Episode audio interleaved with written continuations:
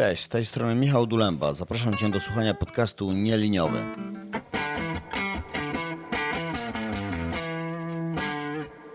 Będziemy tu rozmawiać o machine learning, programowaniu i zarządzaniu projektami korzystającymi ze sztucznej inteligencji. Jeśli pracujesz w tej branży, chciałbyś zacząć lub Twoja firma rozważa wykorzystanie tych technologii, jesteś w dobrym miejscu. Zapraszam Cię serdecznie.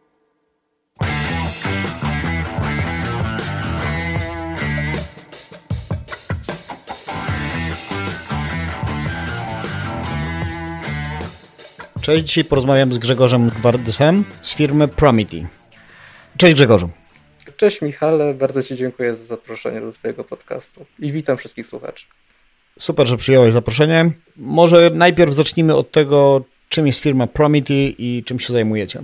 My jesteśmy firmą nie AI, tylko jesteśmy po prostu firmą, czyli mamy zespół deweloperski, mamy zespół taki bardziej związany z bazami danych, hurtownią danych, czy też jesteśmy bardzo mocno skoligoceni z drugą firmą wiceprezesa, firmą Almarise, która tutaj robi rzeczy związane z Jirą, z Atlassianem, pluginy do Jiry, takie rzeczy, tak? Więc jesteśmy, tak powiedziałbym, no w, kilku, w kilku kierunkach, nie jesteśmy tylko, że o, a i startup najzwyczajniej.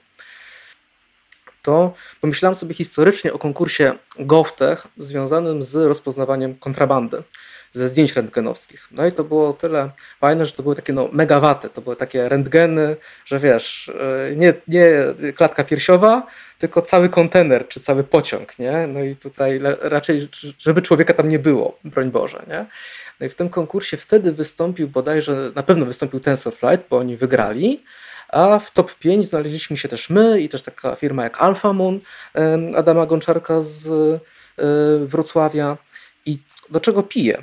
Piję do tego, że kilka lat temu wszystkie właściwie firmy, które się tym AI tak trochę zajmowały, do takiego konkursu się zgłosiły, nie? E, natomiast teraz widzę taką tendencję, że no TensorFlight, no ten swój produkt związany właśnie z zdjęciami satelitarnymi.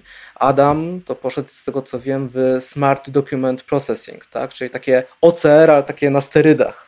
My uderzamy mocno w obszar agro, w obszar rolniczy teraz, ale nie ukrywam, że zaczynaliśmy od bardziej takiego retailu, od bezpieczeństwa pracowników na placach budowy i tak dalej.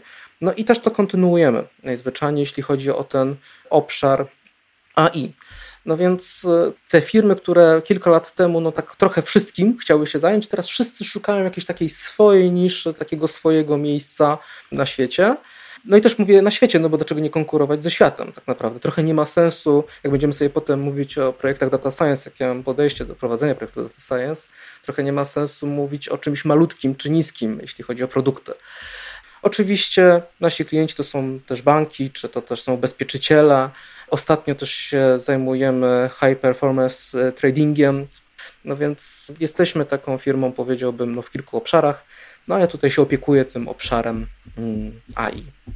No i to tak pokrótce. Właśnie, bo chyba nie powiedziałem, że Grzegorza tytuł to Lead Data Scientist. To może przejdźmy do tego, czym się zajmujesz w tej roli, a później mhm. rozwiniemy sobie te, nazwijmy to, metodyki czy metodologię, żeby nikt nas tutaj y, kijkiem nie gonił za niewłaściwe słownictwo. Jak do tego podchodzicie? No ja zacząłem prowadzić ten zespół tak no, z 5 lat temu, bym powiedział. I tutaj e, wszystko, co będę mówić, będzie z takiej mojej malutkiej perspektywy. W sensie nasza firma to jest mhm. takie około 50 osób, mamy naszą specyfikę. To, co nam się przyjęło jakby w rozwiązaniach, może kogoś zainspirować, ale to nie jest coś takiego, że o, mamy taki kluczyk i tym kluczykiem jesteśmy mhm. wszystkie drzwi w stanie otworzyć. To jest w ogóle najlepszy best practice i tak róbcie, jak tak nie robicie, to jesteście źli. Fajnie, że powiedziałeś o liczbie osób, bo te best practices bardzo się różnią w zależności od tego, czy zatrudniasz 5, 50 czy 20 tysięcy osób.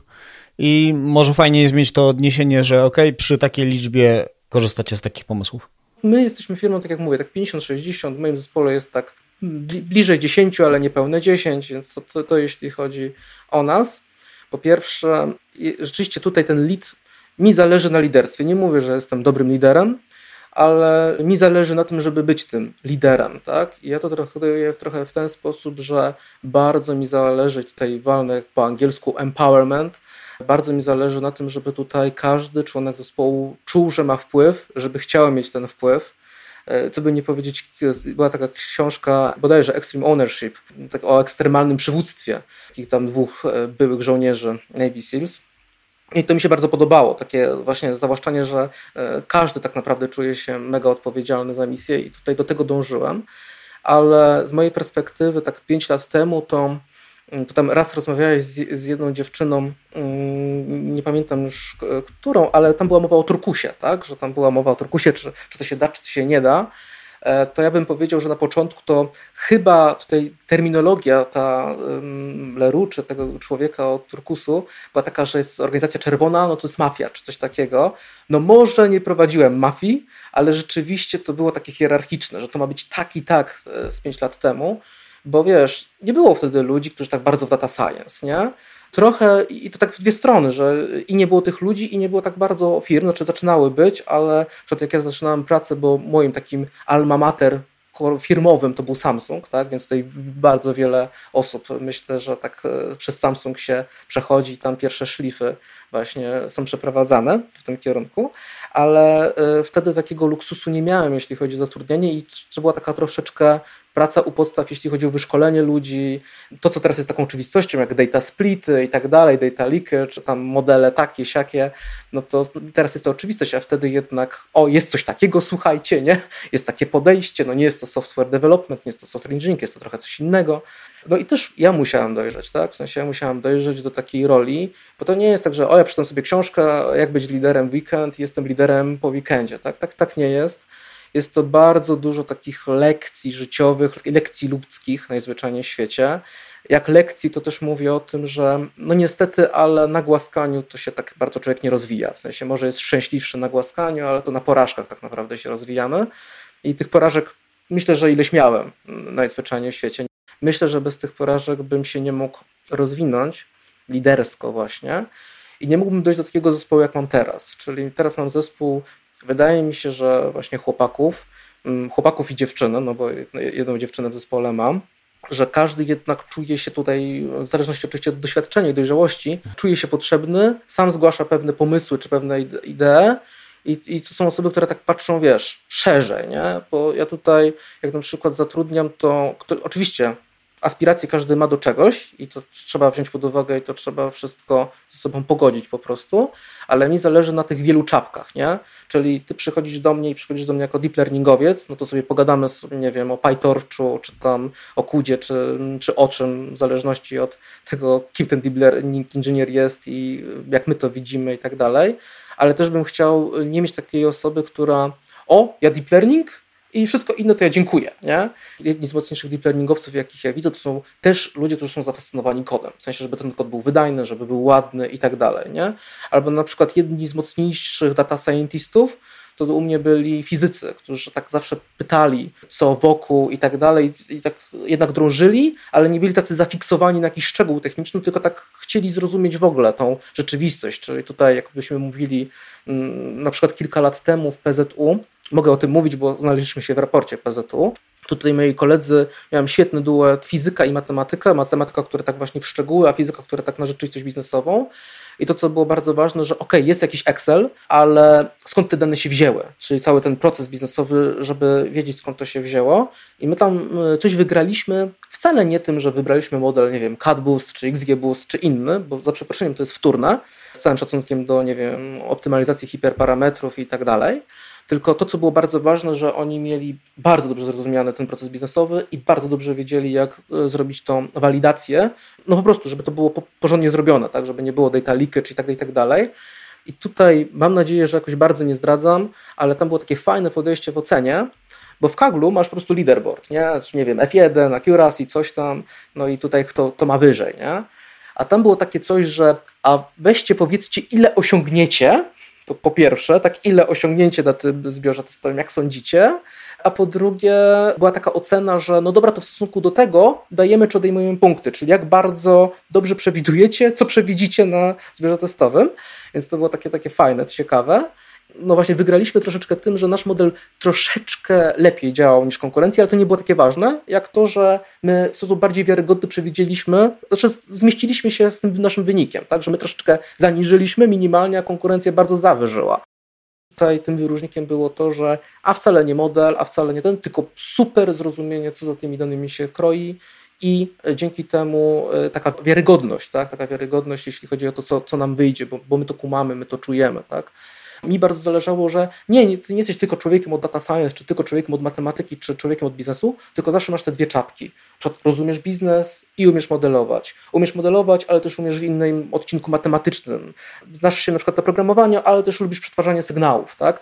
Żeby to zawsze były takie dwie czapki, bo dzięki temu ja mam taki trochę komfort w zespole, że ok, teraz na przykład nie mam jakiegoś projektu stricte związanego, nie wiem, znaczy teraz mam, ale załóżmy z deep learningiem, ale to nie jest taki problem, bo jedna osoba bardzo lubi, nie wiem, w C++, inna osoba bardzo lubi w grafice komputerowej i coś się wtedy, wiesz, skleci, tak? Jak jest osoba, która, a ja chcę tylko to, to w tym momencie mi jest trudniej, żeby ta osoba była szczęśliwa, tak? a dla mnie to jest jakoś tam ważne, żeby by, ludzie byli szczęśliwi. A druga sprawa to jest właśnie też taka rzecz, że jak na przykład człowiek programował tylko w Pythonie, tak? załóżmy, że tylko w Pythonie, takie oczka tylko na Python, to w tym momencie, nie chcę powiedzieć, że jest zubożone, ale wiesz, ma taką perspektywę, że do szczegółów, nie wiem, PEP 8 tutaj tak to nie jest, a tu chodzi o to, żeby tutaj, nie wiem, w C++, C++ w Boostie, że nie wiem, smart pointery, żeby poczuł, albo że w Javie wzorce projektowe są tam tłuczone bardzo i tak dalej, i tak dalej.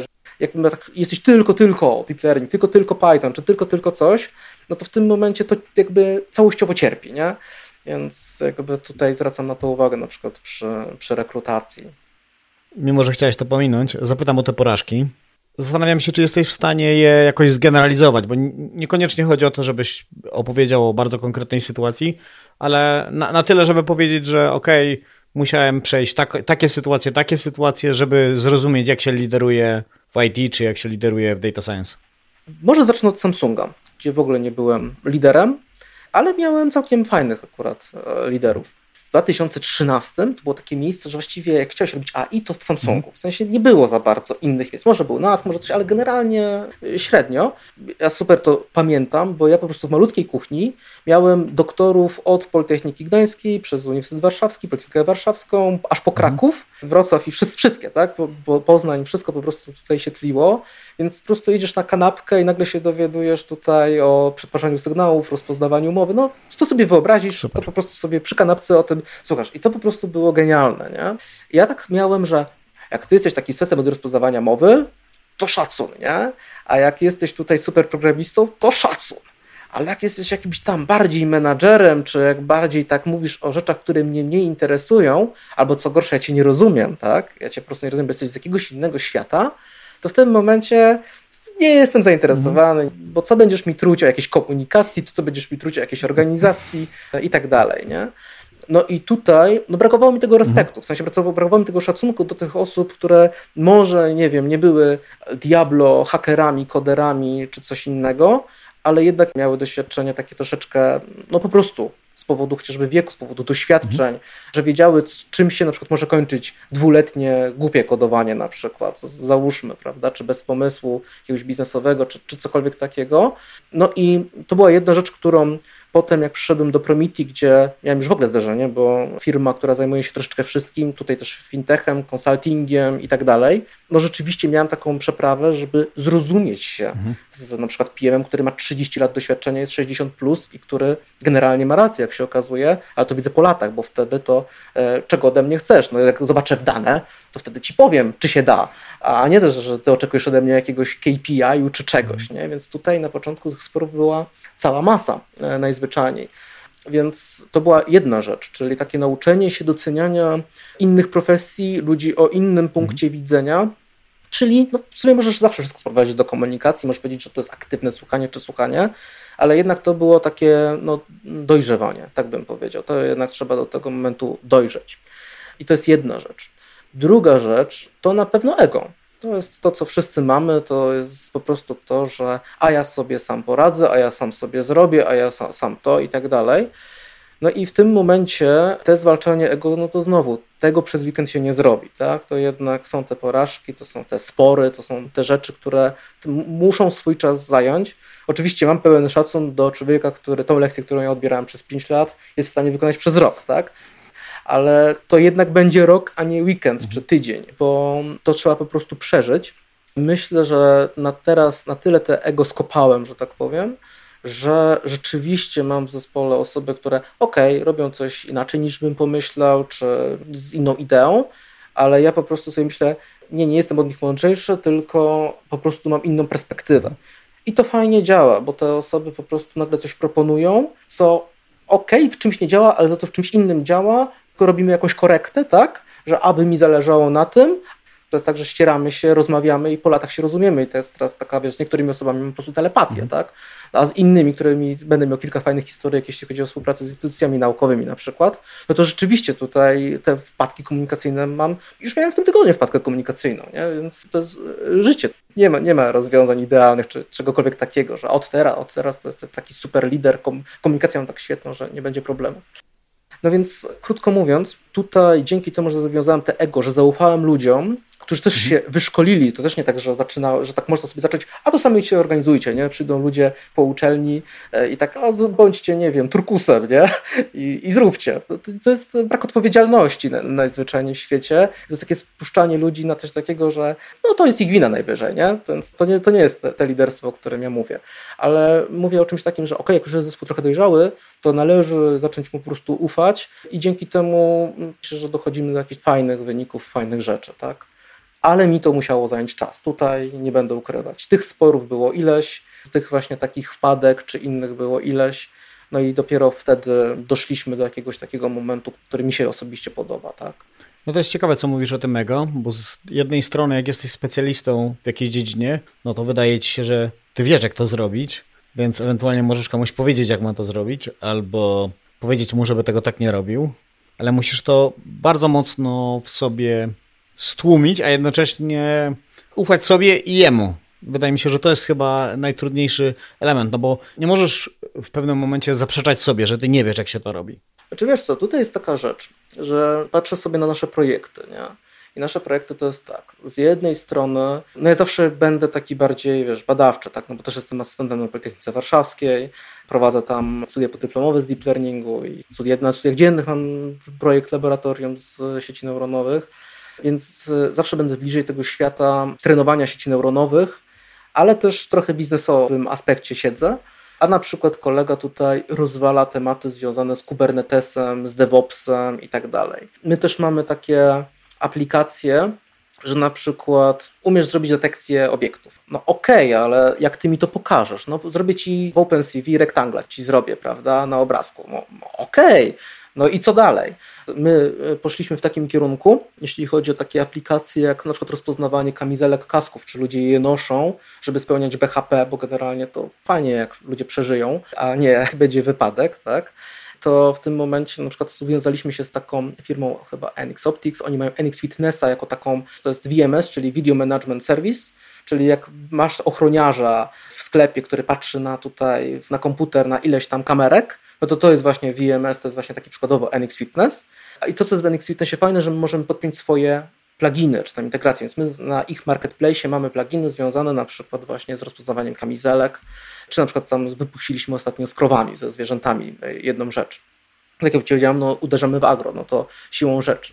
No i w tym momencie e, jest tak, że na przykład zrobienie takiego pluginu to może nie jest sztuka, ale jednak trzeba w tym C++ podłubać. Jest specyfika związana z NX Fitnessem, tak, więc trzeba na bazie kilku egzampli się tego nauczyć, tak. Tego nie umiem, nie? w sensie mm, tego po prostu nie robię, to, to rzucam dalej, ale jednak gdzieś tam po drodze są takie rzeczy, że no dobra, ale mamy tutaj detekcję na takim poziomie, a jak będzie z trackingiem, a w takim razie coś musi się ze sobą zmieścić w czasie, a w ogóle naszym case'em biznesowym jest to i tamto, tak? No i nagle się okazuje, że wydaje mi się, że trochę potrzebny jestem na końcu, tak? Tej całej drogi.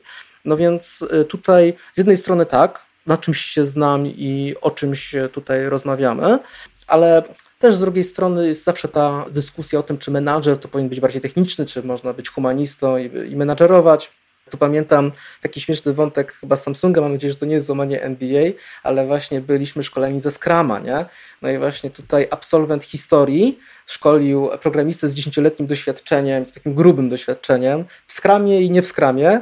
Czym jest Scrum, nie? Więc tutaj są takie śmieszne historyjki, ale to o co mi chodzi, to jest po prostu to, że jesteśmy, deep learning stał się tak bardzo wielowątkowy, tak bardzo wielodziedzinowy, że wydaje mi się, że jednak trochę technicznym tutaj na przynajmniej na moim levelu, tak, może na dużo, dużo wyższym levelu nie, ale na, na, moim levelu ja muszę wiedzieć po co mają być ML opsy, tak, ja muszę wiedzieć, że przez to, że nie mieliśmy tam typingu, to nie wiedzieliśmy co się w kodzie dzieje po pół roku i przez to, że nie było unit testów, to się no, kompletnie zgubiliśmy potem. No, no unit testy, ale ile tych unit testów, tak? Jakie te pokrycie kodu? No bo to jest inwestycja nowy feature czy unit test. Ktoś powie, że no jakość, no, no jakość, jakość, tylko e, powiedzmy to product ownerowi, który jednak no, mm, chce mieć feature i po prostu chce to sprzedać i on czeka. No więc to wszystko jest, to nie ma żadnych idealnych rozwiązań, tak? Każdy szuka złotego środka po swojemu, ale jest ciężko po prostu. No to jeszcze zadam takie standardowe pytanie. Jak przeszedłeś przez tą ścieżkę, no to podejrzewam, że tak stopniowo, stopniowo wyszarpywali ci klawiaturę i jak się z tym czujesz? Znaczy ja staram się dalej coś programować, tak? Co, coś tu próbuję robić i w ramach Promiti, i w ramach uczelni, tak? Teraz też jakiś sobie koncept tutaj dłubię. Koncept, który zresztą mnie skłonił do tego postu o baseline, który tam na LinkedInie tam na tym tygodniu ci e, pisałem.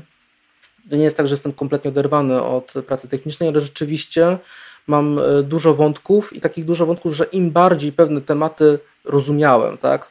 tematy nawet, no, co by nie powiedzieć, my w Promiti mamy takie spotkania starszyznowe liderów, że rozmawiamy po prostu o samej firmie, jak chcemy i tak dalej i co usprawnić w samym Promiti, tak? No i tutaj też się troszeczkę czuję za to odpowiedzialny, bo o, tego nie powiedziałem, może najważniejsze, że firma jest rodzinna, no bo prezesem jest mój brat.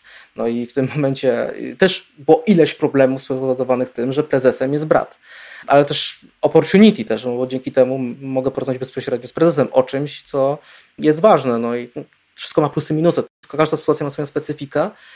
No i w tym momencie, jak zacząłem też myśleć organizacyjnie, jak powinno coś w Promiti być, jak e, na przykład pokonywać kwestie silosów, jak zwiększać tutaj synergię, jak pewne kwestie rozwiązywać, no to trochę naturalnie doszło do tego, że rozglądasz się na prawo, lewo, o rozglądam się, o jest design thinking na przykład, no i w tym momencie sobie patrzę, robię sobie jakiś kurs jeden, drugi, ale nie czuję tego, nie? w ogóle tego, tego nie czuję.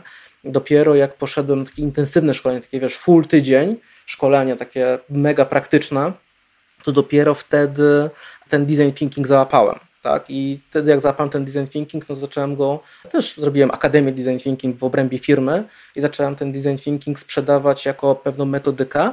Tutaj bym powiedział mm, o metodyce, znowu specyfika mojej firmy, ale wydaje mi się, że specyfika wielu firm AI mm, w Polsce, że mm, one są zakładane przez technicznych, nie? w sensie one są zakładane przez programistów czy przez technicznych i w tym momencie tu zawsze jest to, że a, chcemy zrobić coś fajnego, nie? Jednak jest, jest ta myśl, że coś fajnego.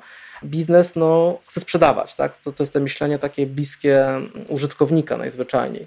No i myślę, że ten design thinking trochę mi pomógł właśnie wejść w te buty trochę użytkownika, myśleć o tym, co jest potrzebne użytkownikowi i jak bardzo jest to ważne. I czy ty jesteś deep learningowcem, czy jesteś tam kim innym, to tak ty musisz wiedzieć, dla kogo to robisz, tak? Jaki jest tego cel. No bo inaczej na przykład robisz najfajniejszy model optical flow deep learningowy na świecie, no i masz trochę gdzieś, że zajmuje to 12 gigaramu i nie zmieści się na Jetson Nano, a w ogóle jeszcze trzeba coś na tym nano na przykład robić, nie? Ta perspektywa jednak, dla kogo jest to robione, nie mówię, że wszyscy mają teraz być, nie wiem, biznes ownerami, ale że jednak ten cel po co to jest robione, dla kogo to jest robione, przynajmniej w przypadku mojej firmy, tak, że nie jesteśmy tu korporacją, która, nie wiem, dłubie nad jakimś algorytmem przetwarzania sygnału, który ma być super wydajny i nie wie właściwie po co, e, ale dłubie, no to tutaj tak trochę jesteśmy no, blisko tych klientów. Wiesz, ja na przykład teraz jestem na Mazurach, tutaj mam rodzinę, w sensie rodzinę żony, zresztą moja szwagierka opiekuje się takim podzespołem adnotacyjnym, więc tutaj na Mazurach mamy kwaterę adnotacyjną, rzekłbym. No i też tutaj są na przykład hodowcy bydła mlecznego, z którymi ja po prostu chcę bezpośrednio porozmawiać, tak? porobić wywiady, żeby pomyśleć, co no, z naszymi rozwiązaniami dotyczącymi właśnie krów, właśnie bydła mlecznego, bo na przykład na to mamy projekt NCBR-owy, tam kilkuletni do realizacji.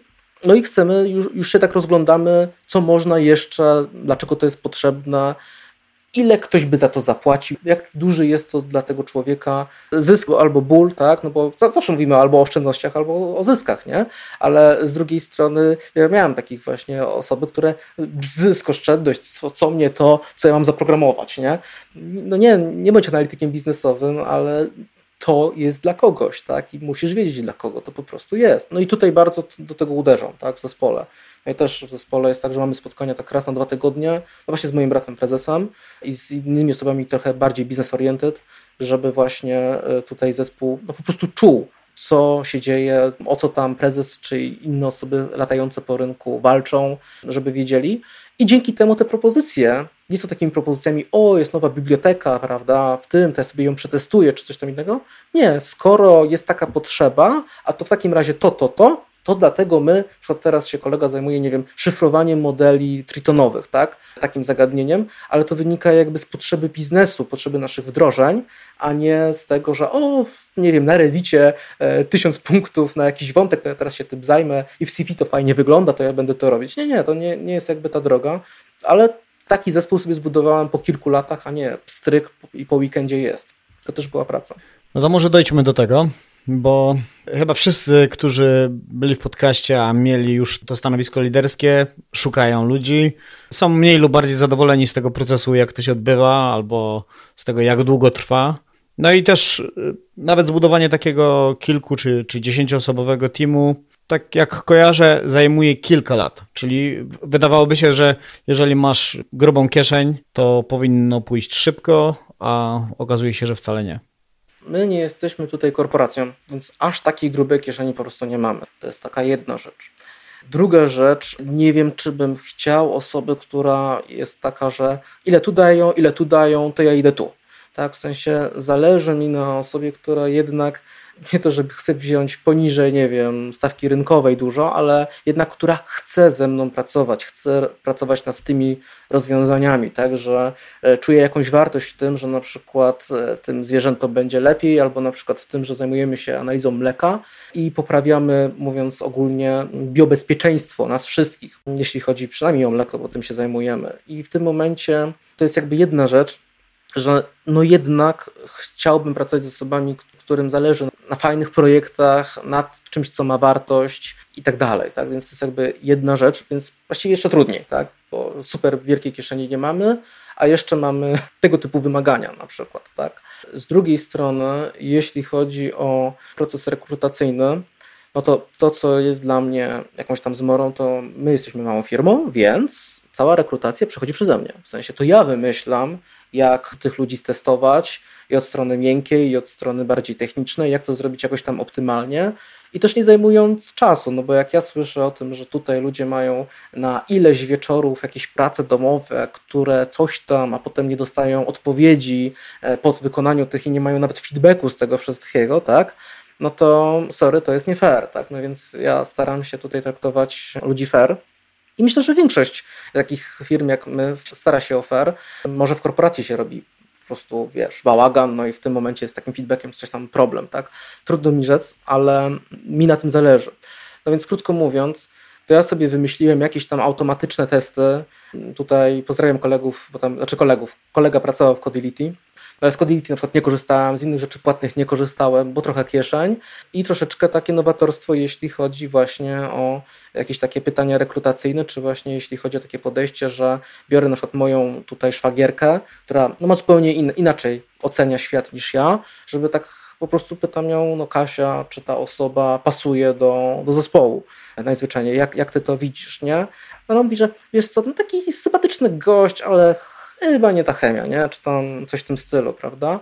Bo ja nie, jakby dla mnie ważniejsze od zatrudnienia nowej osoby, choć oczywiście bardzo potrzebuję, ale od zatrudnienia nowej osoby dla mnie dużo ważniejsza jest ta retencja, czyli żeby osoby, które już pracują, żeby dalej tworzyły taki zespół, jaki tworzą, tak? A właściwie to podzespoły, bo tak naprawdę mam jeden podzespół do analizy mleka, drugi podzespół do tego bezpieczeństwa z kamizelkami, a trzeci zespół, który tam ja prowadzę, związany właśnie z krowami, czyli tam się zajmujemy, na przykład jak była estymacja pozy ludzi, no to my my robimy estymację pozy krowy, robimy ten behavior krów i, i tak dalej, i tak dalej, nie? Więc ale tak czy siak, e, tutaj to jest jeszcze trudniejsze. No i pewnie lata to się zgodzę, tak, no bo widzę na swoim przykładzie, że no było trochę odejść, trochę przyjść, żeby też skompletować to, co jest, e, skompletować, brzydko może mówię o ludziach, ale jednak, żeby ten zespół tak działał, bo na przykład to, co ja na przykład zwolniłem jedną z mocniejszych osób, jakie kojarzę od deep learningu, przykładowo, bo właśnie to była osoba, że o, tylko deep learning, jak coś zrobi, to będzie robić ta, e, tam, nie wiem, coś, co go będzie interesować, ale w ogóle jeśli chodzi o kwestie biznesowe, to, to ją nie interesuje, ona ma dostać task, a ja wiesz, jak tutaj mówimy o tasku, no to ile pracy ja muszę zrobić nad taskiem i zrobieniem definition of done tasku jeszcze w takim data science. Więc ja raczej chcę powiedzieć, Michał, słuchaj, mam problem taki, wymyśl jak to zrobić. Tak? W sensie tak może przesadzam, bo, bo może jest tak ten, ale wiesz o co chodzi. No i w tym momencie wtedy się rodzi jakiś empowerment, że ktoś ma lepszy pomysł, gorszy pomysł, ale zacznie to wałkować, myśleć, robić. Kilka osób mu tam pomoże. No i w tym momencie mm, to gra. Więc tutaj, nawet jeśli bym miał osobę, która nie chciałaby super hajsu i nawet jeśli byłaby świetna w tym deep learningu, ale widziałbym, że no to musi być o deep learning, to, to musi być o, konkretnie to i musi to być klaster na przykład. A na przykład z klastera się trochę wycofaliśmy, bo mieliśmy Kubernetesa, ale stwierdziliśmy, że Docker Swarm nam wystarcza, jeśli chodzi o skalowanie na przykład. No więc e, czy jest super u nas pracować? No, no nie wiem, tak, no jeśli ktoś musi mieć Kubernetesa, bo inaczej to, to, to nie, no to na pewno nie. Ale jeśli na przykład chce robić rzeczy, które są po prostu nowe, bo te rzeczy agro, tak naprawdę robimy nowe z nowym podejściem, uczymy się i tak dalej. Nie jest to robione dziesiąty raz, jakby ta sama rekomendacja czegoś, tylko to jest naprawdę coś nowego, no to zapraszam. Tak? To zajmuje lata i też człowiek się uczy, kogo chce. Bo pięć lat temu ja patrzyłem bardzo technicznie. Potrzebuję tego, tego, biorę go, bo jest świetne. A potem się okazuje, że nie. Może ważniejszy jest attitude, tak? Może on wszystkiego nie umie, może się dopiero, nie wiem, zaczyna, albo co innego, tak? ale po prostu on chce, on jest zdolny, on, ona i wiem, że za pół roku, za rok będzie, będzie ok. No i to też taka prawda. Właśnie tutaj specyfika mojej firmy.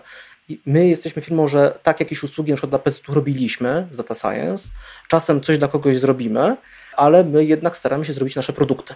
Nie mamy inwestora, usług za przeproszeniem innych zespołów tutaj się utrzymujemy, czy dotacji NCBR-owych, no bo po prostu zajmujemy się robieniem produktu, w tym momencie, jak e, robimy ten produkt, no to też jest taka specyfika, że to będzie jednak trwało lata i ja potrzebuję człowieka, który nie opuści mnie za pół roku, rok, no bo e, coś innego, ktoś więcej zapłaci, czy coś takiego, tak? Ale na przykład całkowicie rozumiem firmy, które po prostu żyją z usług, mają klienta na już, który potrzebuje, nie wiem, dwóch DevOpsów, dwóch Java developerów, dwóch data scientistów i za dwa tygodnie projekt, czy, za, czy w ogóle tydzień temu projekt, tak?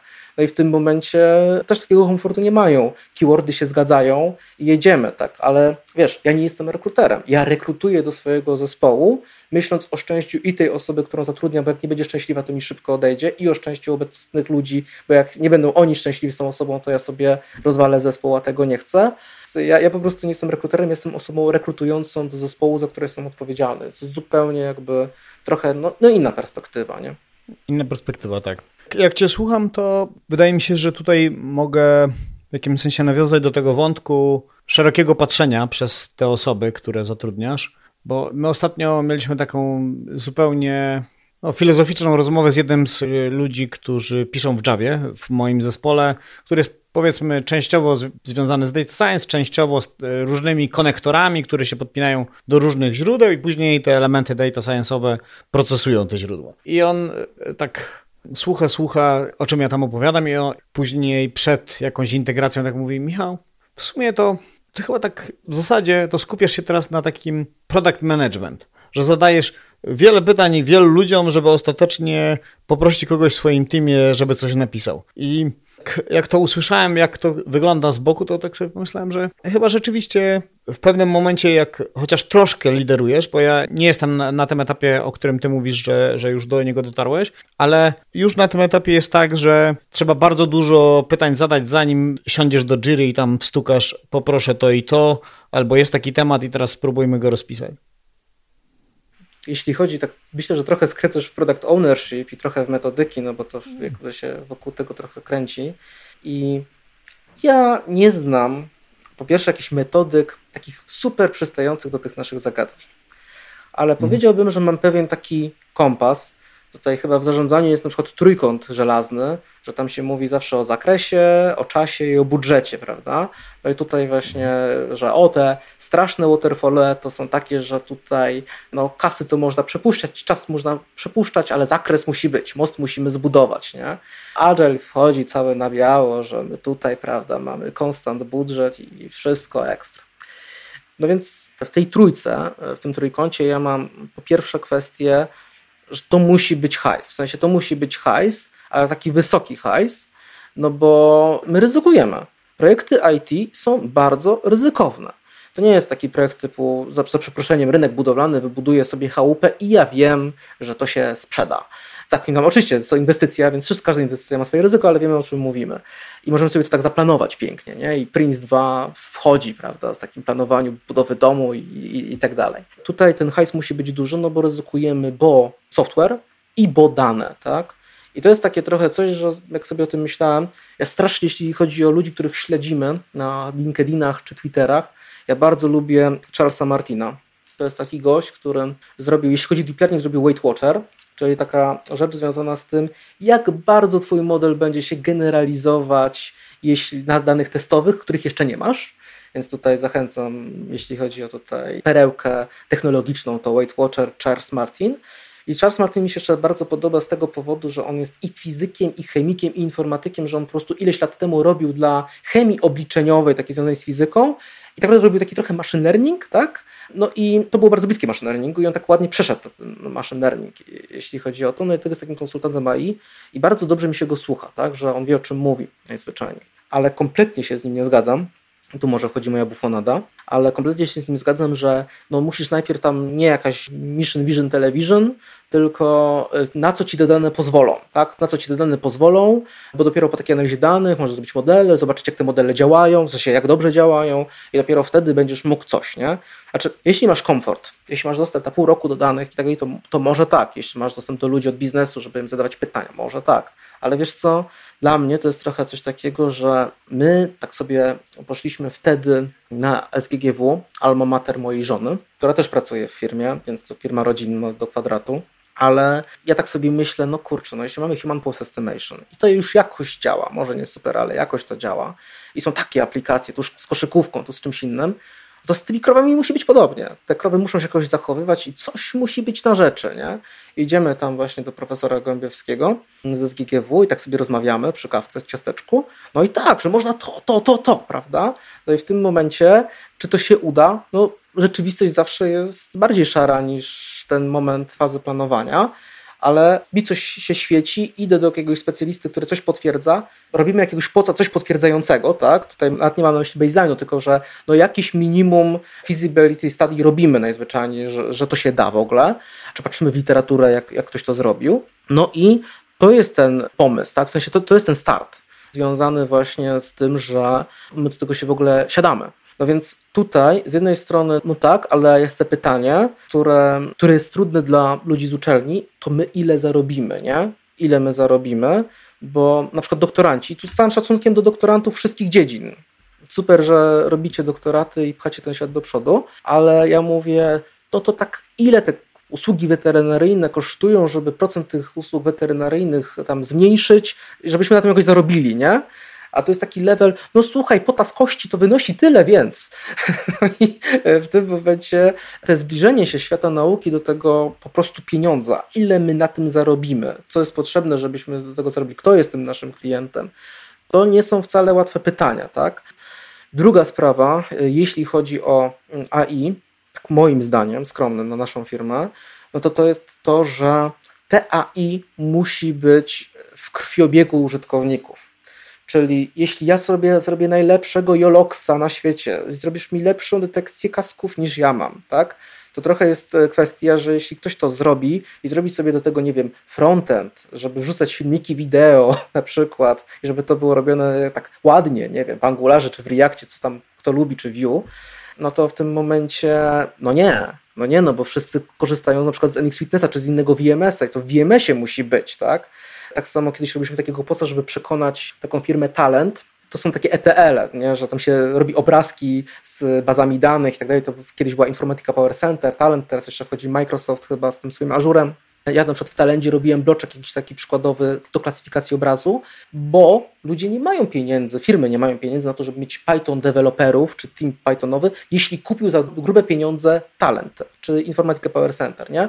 Więc ja robię bloczek w bardzo parszywej technologii, taka Java, jakaś taka stara Java, no wiesz, takie niefajne nie, nie rzeczy, trudne do pisania, ale to jest ich krwiobieg, to jest ich życie, tak? Więc nie mogę teraz powiedzieć, a mam tutaj taki, wiesz, mikroserwisik w Dockerze, który sobie odpalicie. Nie, nic sobie nie odpalicie, tak? Więc e, tutaj, żeby być w tym krwiobiegu, więc na przykład Elix Witness, więc na przykład Talent, e, tutaj zrobiłem bloczek, czy może i frontend, jeśli rzeczywiście ten frontend jest czymś, co tych ludzi e, najbardziej urządza. Ale nie ukrywam, że w mleczarstwie, jak na przykład tak rozmawialiśmy tutaj z paniami z jednej mleczarni, gdzie one patrzyły na wyniki, to tam aplikacja, aplikacja, no ładna, no ładna, nie? Ale o, że my tu zdiagnozowaliśmy to, co trzeba, uuu, aż nie wierzyły, tak? No i będziemy mieli pilotaż lada moment dzięki temu. Więc one po prostu patrzyły na arkusz Excelowy i to był sposób sprzedaży jakby naszego rozwiązania, ten wyśmiewany arkusz. Więc jeśli najlepszym sposobem wdrożenia AI są, tutaj pamiętam, nie wiem gdzie, z kim o tym rozmawiałeś, ale no to jeśli w tym krwiobiegu wysyłanie mailem arkusza kalkulacyjnego jest ok i rozwiązuje problem tego człowieka, ok, zacznijmy od tego, a potem przekonujmy prawda, do czegoś wyższego, nie? od czegoś zacznijmy. I to jest ta druga rzecz, czyli że musi być to w krwiobiegu. I trzecia rzecz w tym moim trójkącie, jeśli chodzi o produkt, to jest to, że musimy mieć coś unikalnego. No i w tym momencie, jeśli chodzi o tą unikalność, to ja widzę tu dwie możliwości. Jedna możliwość to jest technologia że robisz tam najlepszą na świecie bazę taką typu real-time czy co innego. Nie wiem, Redis, tak? Stworzony został Redis, to jest taka technologia i to jest taki produkt technologiczny, nie? To nie jesteśmy my, tak? No, nas jest tutaj kilku data scientistów, czy tam po, pod 10, ale jednak nie 10. Drugą unikalną rzeczą, która mi przychodzi na myśl, i to jest, nie ukrywam, nasz sposób, to są unikalne dane. To są dane, które tylko my posiadamy, bo dzięki temu jesteśmy w stanie wytrenować modele, których ty nie wytrenujesz, czy nasza konkurencja nie wytrenuje, krzywa wejścia jest wyższa i nie tak łatwo, tak? No i w tym momencie, co by nie powiedzieć, no my tutaj współpracujemy ze SGGW i tam w ich oborze zainstalowaliśmy kilkadziesiąt kamer. I jak mamy kilkadziesiąt kamer, mamy jedną krowę obserwowaną przez trzy kamery, dzięki czemu możemy dojść do współrzędnych 3D. Dzięki temu, że mamy tak, doktorantów, którzy na krowach się znają jak mało kto i powiedzą, że o ta krowa ma ta, taką kulawiznę, a ta krowa ma takie zachowanie świadczące o tym i tamtym, to dzięki temu Rzeczywiście, no możesz to podrobić, w sensie możesz się dogadać z inną uczelnią, wszystko możesz powtórzyć, ale to zajmuje czas. Te wszystkie porażki czy pomyłki, które my mieliśmy, no konkurencja też będzie miała. No więc krzywa wejścia, tak? Jest ta krzywa wejścia, no bo jeśli ja z, nie wiem, pojawi się, strzelam, publiczny zbiór danych z rozpoznawania twarzy, czy ktoś pali papierosy, czy nie. I, I, coś takiego. I załóżmy, że da radę, tak? Załóżmy, że dam radę z twarzy stwierdzić, że palisz papierosy i to się bardzo przyda ubezpieczycielowi. No to jeśli taki publiczny zasad będzie, no to może będziesz tydzień przed konkurencją, no bo masz taki network na LinkedInie, że się o tym szybciej dowiesz niż ja, no ale jeśli e, to się pojawi, no to ja to skopiuję. Jeszcze skopiuję to 10 innych osób. No więc w tym momencie bariera wejścia, tak, jest bardzo niska. Więc tutaj to, są, to jest ta trójka rzeczy, na które ja bardzo zwracam uwagę w tych naszych produktach. To musi przynieść, e, musimy wierzyć w e, wysoki hajs, bo mamy takie wysokie ryzyko, że musimy wierzyć w wysoki hajs. E, to musi być w krwiobiegu e, użytkownika. Jeśli on skorzysta z czegoś, to to ma być e, tak, żeby to, to było dla niego naturalne, a nie coś ekstra, jakiś ekstra effort.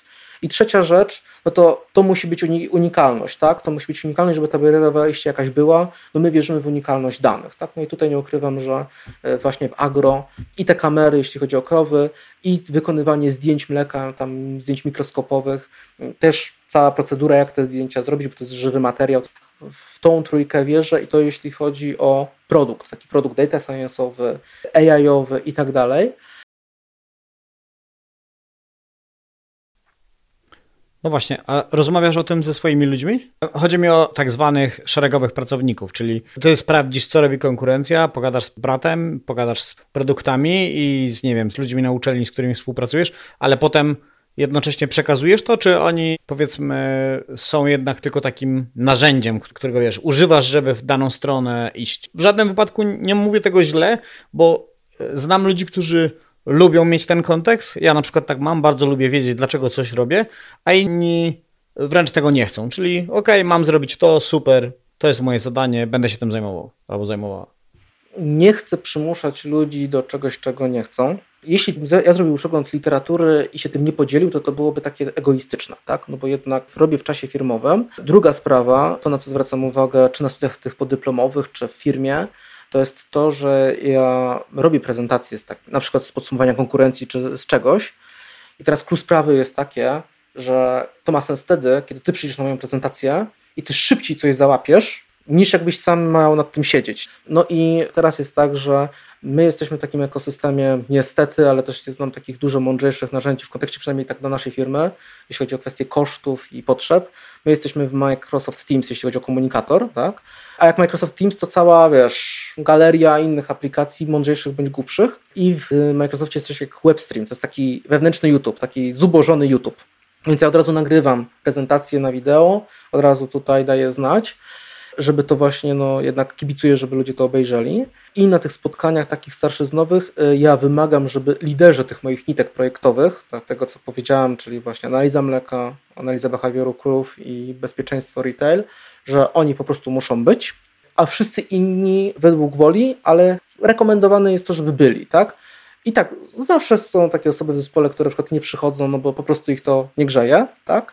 Ale większość przychodzi, większość jednak chce i tak dalej ale nie ukrywam, że mam z tym bolączkę. Mam z tym bolączkę, ponieważ po co są spotkania? Nie? Spotkania moim zdaniem nie mają służyć statusowi, że o słuchajcie, no jest taka konkurencja, no mają lepsze to, ale myślę, że ściemniają z tamtym i tak dalej. E, no bo wtedy dlaczego nie mail? Tak? Dlaczego nie wysłać tego mailem? Ktoś sobie przeczyta punkty, zobaczy też punkty, które go bardziej interesują do przeczytania i, i tyle, nie? No spotkanie jest wtedy sensowne. My nawet teraz, tak, że ja coś mówię, no głównie niestety ja mówię, ale ty zadajesz pytania, jakoś sterujesz tym okrętem i dzięki temu nasze spotkanie ma sens, no bo tak to byśmy powiedzieć, a to Grzesiek gadaj sobie do kamery i mi wyślij. No, no i luz, prawda? Rozumiesz, ile jest spotkań takich statusowych, że to, to, to. No więc miałam taki problem z naszymi spotkaniami i myślę, że tutaj muszę to poprawić, żeby właśnie ta interakcja była wyższa, tych osób może troszeczkę bardziej u dołu, no bo wtedy te spotkania mają sens. Inaczej można by powiedzieć, że a przeczytajcie sobie notkę ze spotkania. Więc tutaj ja się nad tym głowie tak, mm, jak, jakie techniki zastosować, czy jak te spotkania poprawić, żeby właśnie y, y, osiągnąć taką, wiesz, interakcję i większy sens spotkań tak naprawdę. Czyli nie broadcast, tylko interakcja, bo to jest ta, ta, różnica tutaj, o której mówisz. Dokładnie tak. Jest to trudne, no bo ktoś na co dzień tutaj zajmuje się załóżmy DevOpsem, a ja mu tu wyskakuje załóżmy, z, że a wiecie, no bo ci rolnicy to by bardzo potrzebowali tego i tego na przykład, nie? No więc y, to jest taka rzecz, no ale myślę, że jest to bardzo, bardzo ważne, no, krótko mówiąc. Wiele historii takich firm, które odniosły jakiś sukces, często mówi o tym, że właśnie ich pracownicy dużo wiedzą o tym, co się dzieje w firmie, bo to im pomaga w sensownym podejmowaniu decyzji, czyli nawet ten, moim zdaniem, nawet ten DevOps, którego nie interesuje zdrowie krów, mając szerszy kontekst, będzie wiedział, że te akcje, które wykonuje przy serwerach są trochę bardziej ważne, a te są trochę bardziej pilne, a te w sumie jak zrobi za dwa tygodnie, to świat też nie spłonie.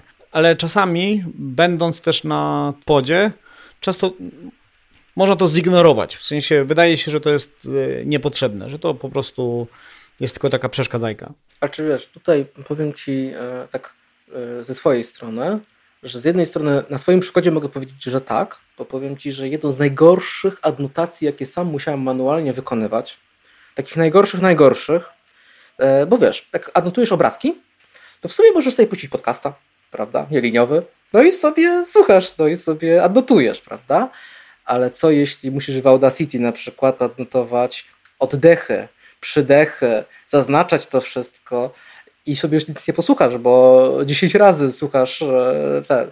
I w tym momencie to była jedna z najgorszych adnotacji, jakie pamiętam w życiu. I jedyne, co mnie ratowało wtedy, to jest to, że ja wiedziałem, że poprawiając jakość tej właśnie mowy, tam nasz system będzie lepszy, tak? Bo też taki mieliśmy epizod przy rozpoznawaniu mowy w Samsungu. To było jedyne, co mnie ratowało, tak? Ta motywacja, że to jest jednak część czegoś większego. Z drugiej strony powiem Ci, że to, co jest moim zdaniem problemem z firmami, tak? Tutaj taki może smutny wątek, ale ja tak patrzę, że bardzo trudno jest robić produkty AI. To jest po prostu trudne. Trudno jest to robić, no bo na przykład, tak jak mówimy o firmach, oczywiście z samym szacunkiem, to nie ma żadnej pretensji, tak? tylko chodzi mi o to, że jeśli są firmy, które oferują usługi dla zagranicznych tam, nie wiem, Amerykanów, Szwajcarów czy dla e, Skandynawii, no to w tym momencie e, ok, to oni płacą w dolarach, tak? I te PLN są takie dolarowe. Natomiast jak my tutaj wewnętrznie próbujemy z dotacji NCBR-owej zrobić jakiś produkt, no to w tym momencie e, jest tak, że no mamy na przykład ciężko z tą rekrutacją, tak? No jest, jest to cięższe najzwyczajniej w świecie. I w tym momencie trudno mi powiedzieć, jaki jest taki przepis na sukces firm, tak? No bo tutaj z jednej strony można tak sobie powiedzieć, że o tutaj szczęśliwość ludzi e, na przykład, czy rozumienie celu, czy coś tam. Nie wiem, czy robimy dobrze, czy źle, ale nam bardzo zależy na tym, żeby właśnie wszyscy widzieli ten cel, a jeszcze bardziej mi zależy, żeby mm, jakby kwestionowali status quo. Że na przykład, żeby każdy miał odwagę powiedzieć, że, mm, że się nie zgadza, że to nie tak, że, że coś takiego. Tylko są dwie rzeczy, nie? Dwie rzeczy w tym status quo, bo jedna rzecz to jest taka, kiedy ty powiesz mi, no słuchaj, robimy ML Flow, bo wszyscy robią ML Flow.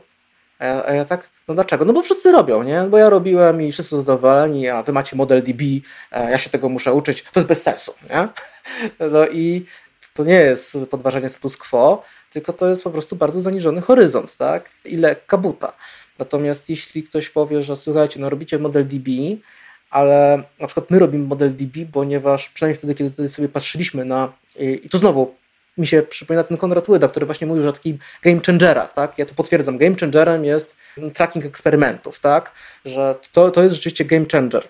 I w tym momencie nasze podejście do MLflow jest takie, że my, my mamy wszystko, wiesz, in-house. My sobie kupujemy PC z GPU i my po prostu na tych PC-tach robimy rzeczy, bo to jest tańsze niż wynajmowanie chmury. Just like that. No i w tym momencie nam zależało na premise, czyli na przykład nie ten weights and biases, załóżmy, czy tam Neptune, tylko właśnie coś, co jest premise, więc model DB i MLflow. Ale MLflow wymagał AWS-a i mieliśmy problemy z FTP czy tam SFTP, żeby to działało. Nasz DevOps zaczął pisać właśnie na, na, ich stronie, żeby oni, prawda, co rekomendują, oni zaczęli pisać o zmianach w kodzie, on zaczął robić zmiany w kodzie, pojawiły się kolejne problemy, zrezygnowaliśmy z MLflow, robimy w ModelDB, jesteśmy szczęśliwi, nie? Ale jeśli ktoś mi teraz powie, że słuchajcie, robicie w ModelDB i ja rozumiem, że robicie to z takiego, takiego powodu, ale w MLflow od tego czasu pojawiło się to i jeszcze to, to i to, inna gadka, nie? Z jednej strony właśnie sensowna argumentacja i taka no wiedza dlaczego, tak? Bo my po prostu no, mamy jakąś swoją specyfikę, tak? Każda firma ma swoją specyfikę, tak? No i trzeba troszeczkę tą firmę zrozumieć, nim tam się zacznie w czambu jedno czy drugie krytykować na przykład, więc to jest jakby jedna rzecz. No i też jak ty krytykujesz, i przychodzisz do zespołu, który krytykujesz, to, no wiesz, raczej od razu piwa nie dostaniesz, tak? E, najzwyczajniej. A tutaj jak jest takie, że jednak się rozumie, dlaczego coś jest zrobione, takie wejście w tą firmę też, porozmawianie i tak dalej. I te podejście może design thinkingowe, tak, że o, tutaj też Wojtka Barczyńskiego mm, pozdrawiam, e, bo miałem z nim, bo oprócz tego, że tam jest super gościem od Kubernetesa, Go i kilku innych rzeczy, to Wojtek mi powiedział taką fajną rzecz i to w ogóle, to myślę, że jest taka fajna rada dla wszystkich, w sensie, ja to może bardzo przedobrzyłem, tą radę, ale on e, na jednym z takim spotkaniu dotyczącym komunikacji, tam chyba Pywaw to e, było w ramach Pywawu, pamiętam też pozdrowienia dla Konrada Hałasa, który ten Pywaw mm, organizuje, ale właśnie była mowa odnośnie komunikacji i tutaj Wojtek powiedział coś takiego, że masz gościa takiego, wiesz, nie trafisz gościa, nie, nie podoba ci się, no cokolwiek, prawda, nie, źle mu z oczu patrzy, prawda, ty byłeś 10 tysięcy lat temu było jedno plemię, było drugie plemię, ty jesteś z tego pierwszego, on jest z tego drugiego. No i krótko mówiąc, jak sobie jednak zadasz to pytanie, że a jak ja ci mogę pomóc? Jak ja ci mogę pomóc czymś, tak? Że jak ci mogę pomóc dowieść ten produkt, jak ci mogę pomóc zaprogramować to, jak ci mogę pomóc zaestymować koszt projektu, cokolwiek, tak? Jak Ci mogę pomóc zrozumieć, tak? Ja jako wykładowca, ja dlatego poświęciłem bardzo dużo czasu na wykłady dotyczące detekcji obiektów. Mam takie wrażenie, że po tych wykładach ludzie naprawdę rozumieją, co tam się w środku dzieje, tak? W tym YOLO i w tym Fester CNN i tak dalej. No i w tym momencie te pytanie, a jak ja mogę pomóc to zrozumieć, żeby, żebym w ogóle mógł ci pomóc, to ja muszę cię zrozumieć, tak? Więc zaczynasz mówić, ja próbuję cię zrozumieć i to się, wiesz, nie wiem, czy to nie jest zbyt abstrakcyjne, o czym teraz mówię, ale trochę dążę do tego, że jeśli się ma takie pytanie, jak ja ci mogę pomóc, to w tym momencie dochodzimy i do jakichś biznes case'ów, i do tego, jak e, człowiek e, coś rozumie, i tak dalej, i tak dalej. Nie? I to jest też dla mnie takie design thinkingowe, takie otwarte, nie? że czy robimy to, czy robimy tamto. Nie, no właśnie, jak ja ci mogę pomóc, żebyśmy doszli wspólnie, nie? I to też jest taka rzecz, o, kwestia eksperymentów. Czy robimy w prawo, czy robimy w lewo, tak? Czy taki model, czy siaki model, czy poprawimy bardziej te dane, no, no cokolwiek, nie? Taka decyzja. I na przykład kiedyś miałem taki sposób, no właściwie nie wiem, mm, znaczy nie wiem, wiem, że chcę to, a kolega chce tamto, to rzućmy monetą, bo szybciej podejmiemy decyzję, nie? No i pyk, orzeł, no to ty dzisiaj ja, a jutro reszka to ty, nie? No a tutaj właśnie rozwiązywanie konfliktów, czyli tak naprawdę zrozumienie, że ja mam troszeczkę inne potrzeby i ty masz troszeczkę inne potrzeby i pewne rzeczy inaczej rozumiemy i zrozummy to, jak to rozumiemy i odnieśmy się wzajemnie do tych potrzeb, troszeczkę powoduje rozwiązywanie takich konfliktów i też jeśli chodzi o decyzje takie, nawet rzucenie monetą nie jest rozwiązaniem sporu. E, to jest podjęcie decyzji, ale wtedy taki mamy las losowy, nie? w sensie taki w prawo, w lewo, takie. a tu chodzi właśnie o to, że tak, my full się zrozummy i podejmijmy wspólnie decyzję. Może nawet taką decyzję, że ja uważam, że powinno być inaczej, ale ja całkowicie rozumiem tą drugą stronę i okej, okay, niech tak będzie, nie? Bo to rozumiem, a nie rzut monetą czy coś w tym stylu, tak? A jak sobie radzisz z taką sytuacją, kiedy to się bardzo przeciąga? Czasami widzę taki proces, czyli tak jak mówisz, nie chcemy tego autorytarnie powiedzieć A, nie chcemy pokazać palcem ty zrób tak jak ja sobie wymyśliłem, bo tak będzie najlepiej, ale jednocześnie ten proces, o którym mówisz, jest tak rozmyty i nie bardzo widać ten brzeg. Jest taka mgła, no nie wygląda to najlepiej. Co wtedy? Znaczy co, tutaj nie chcę zgrywać jakiegoś mądrali, bo to jest po prostu trudne, tak? W sensie tak trudno, wiesz, przecinać, bo może teraz na przykład, wiesz, ktoś robi coś, jest na tym na full skupiony, no a ja tak patrzę z boku, tak? Tutaj znowu nie jestem jakoś tam super skramowy, ale jest taka historyjka o tych kurczakach i świniach bodajże, że kurczak to proponuje świni, że słuchaj, załóżmy restaurację, sprzedawajmy jajka i bekon. No i świniarze, to tak, ale wiesz, to ja stracę co nieco, a ty tylko jajko sobie zrzucisz, nie? No to może nie. No więc to jest takie powiedzenie brzydkie, że w skramie nie, niech działają świnie i decydują świnie, a kurczaki mogą obserwować, być notyfikowane i tak dalej, no ale nie mogą mieć tutaj decyzji, więc ja tutaj czasem też jest coś takiego, że czuję się trochę jak taki kurczak, któremu łatwo jest powiedzieć, o nie wyszło, o długo się przeciąga i tak dalej i nie chcę do tego robić czegoś, co rozbija jakąś czy naturalną hierarchię, czy jakiś naturalny proces i tak, i tak. Więc jest to dla mnie trudne, tak? To jest po prostu dla mnie trudne. Bardzo łatwo jest powiedzieć, skończ to, zamknij temat, nie? Just like that i w ogóle weź się do pracy, bo chyba się lenisz. To jest bardzo proste, ale żeby to zrobić tak, tak sensem, po prostu nie jest łatwe. Natomiast to, co jest na przykład, o, mówiliśmy sobie o metodykach, a ja tak naprawdę najbardziej korzystam nie ze Scrama ani Kanbana, tylko z CRISP-DM-a, jeśli chodzi o proces, jakiś odnoszę do jakiegoś procesu to to w CRISP-DM tak naprawdę no my sobie szacujemy jakieś kryteria, tak? Robimy sobie jakieś kryteria, że o ten model powinien mieć tyle, tak? Plus, minus powinien mieć tyle. No i zróbmy sobie, sprawdzam. Miał mieć 80%, jeden sprint, no wiemy, że miał mieć 80%, umawialiśmy się, nie wiem, na 60%, no jest 30, tak? No dobra, no to drugi sprint, no to się zrobi z 30, 50, tak? No i w tym momencie jednak śledzimy sobie te nasze ustalenia, to, to co Ci powiedziałem wcześniej o tych naszych celach na sprint, że o, mamy taki cel, nie? To, to jest taki nasz cel. W tym momencie odnosimy się do tych naszych wspólnych ustaleń, do tej naszej umowy, do tego naszego kontraktu najzwyczajniej.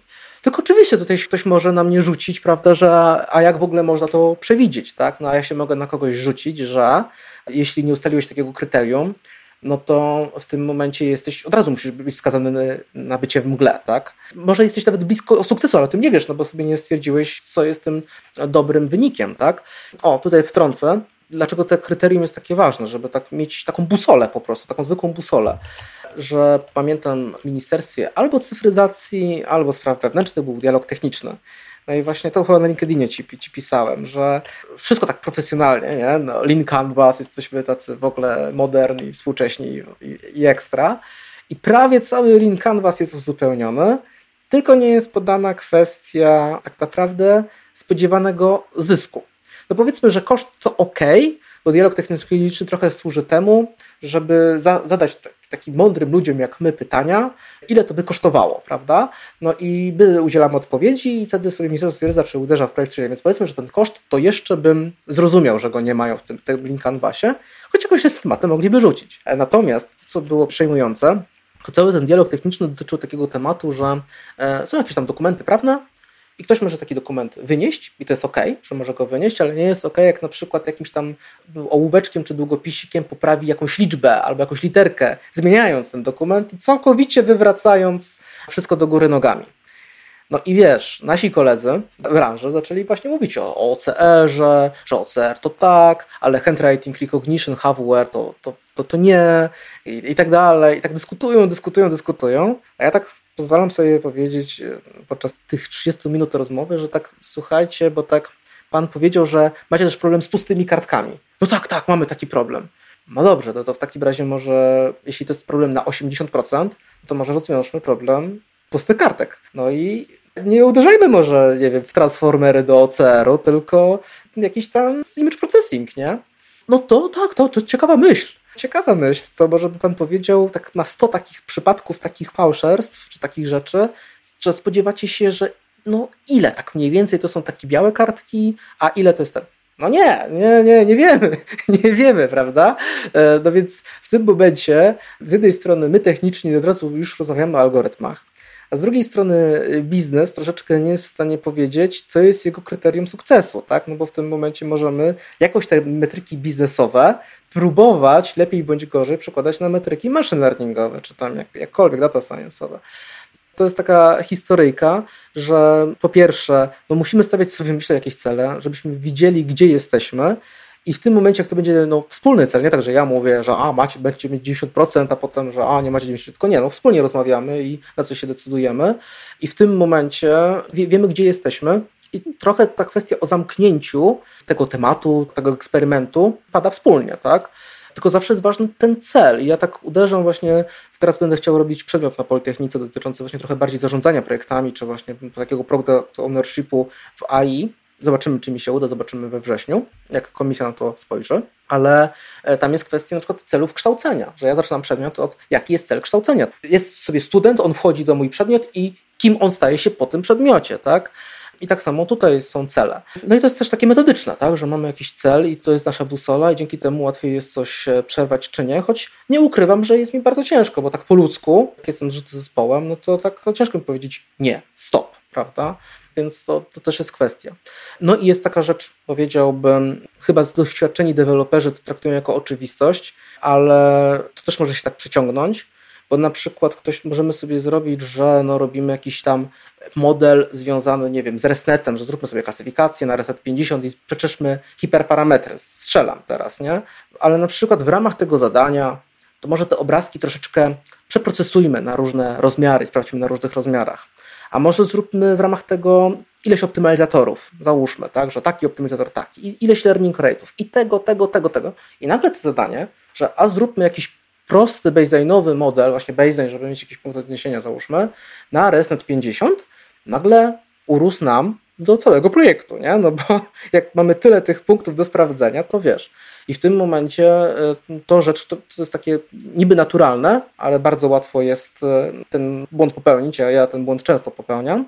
To jest właśnie coś takiego, że jest sobie zadanie, które o ma być tym, i nagle się rozrasta do bardzo, bardzo, bardzo wielu różnych rzeczy. Tak? Zamiast stwierdzić, że mamy resetę 50, no to były dwa tygodnie, zamknijmy to właśnie jako shippable, tak, że po Scrum jest coś shippable, że jest dowiezione, więc jest dowiezione, dowieziony jest ten eksperyment.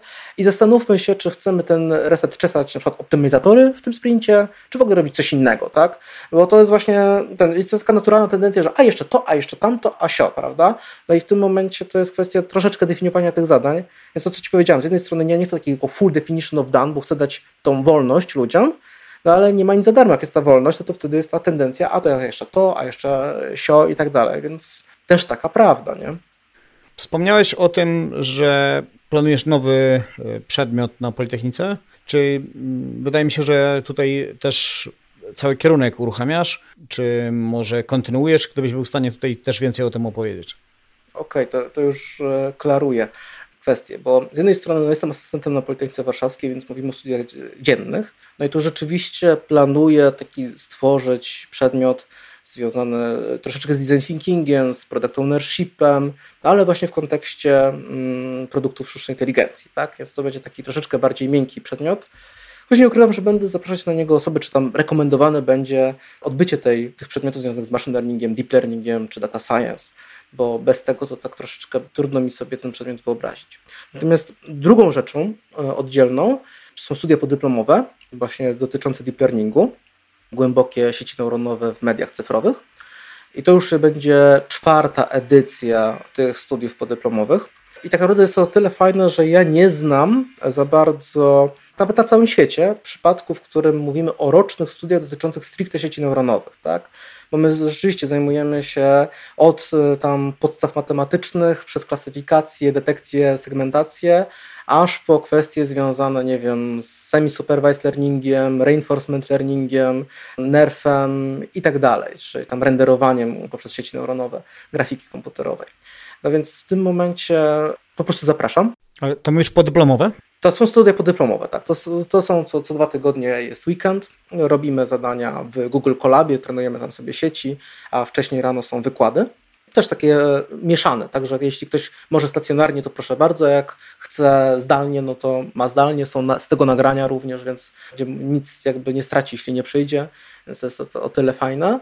No i co by nie powiedzieć, mnie po ludzku to bardzo cieszy, bo tutaj chciałbym pozdrowić pana Bartka Polińskiego, który jest prezesem Fundacji Aliwa, Fundacji Onkologicznej. To jest taka fundacja, która wspiera osoby, które właśnie no, są pacjentami onkologicznymi w tym całym ciężkim procesie leczenia się. No i on na przykład w ramach e, którejś edycji studiów podyplomowych zrobił z kolegą aplikację dotyczącą detektora raka skóry i okazało się, że ten detektor raka skóry wykrywa czerniaka, który jest popularny w Australii i ta aplikacja była skuteczniejsza niż diagnoza nie oczywiście specjalisty od czerniaka, tam onkologa czy dermatologa, ale była na wyższym poziomie niż lekarza rodzinnego. No i wiesz, nie mówię tutaj, że nie wiem, co było potem, czy doszło do jakiegoś wdrożenia, czy nie, tego nie wiem. To jest o tyle bardzo budujące, że łączymy ten świat no już chyba naprawdę bardzo mocnej potrzeby medycznej. Ta osoba weźmie ten telefon i będzie mogła tutaj zadbać o swoje zdrowie. I nie, nie jest to diagnoza, ale to jest taki, wiesz, wskazanie, taka chorągiewka się, lampka się włącza właśnie w wówce, że a, no to może jednak iść do specjalisty, tak? Wydaje mi się, że takie prace dyplomowe są i ciekawe, i takie bardzo budujące. Studia trudne, nie ukrywam, nie, nie, nie jest to łatwe, ale wydaje mi się, że tutaj no jest to z takim dużym benefitem dla osoby, która przez te studia przejdzie i zakończy te studia właśnie taką pracą tego, tego typu. Tutaj też reklama Fundacja Liwa, która myślę, że robi mm, bardzo dobrą robotę. No, czyli zapraszamy. Myślę, że wrzucimy starter linków pod odcinkiem i będzie można łatwo Grzegorza namierzyć i same studio też. Tak jak rozmawialiśmy, chyba mamy trochę za dużo tematów do omówienia i może uda się po prostu w kolejnym odcinku pociągnąć jeszcze te kilka, które zostało na liście, a nie chcemy tutaj przeciągnąć odcinka do kilku godzin. Dzięki serdeczne. Jasne, jasne. Dziękuję Ci bardzo, Michał.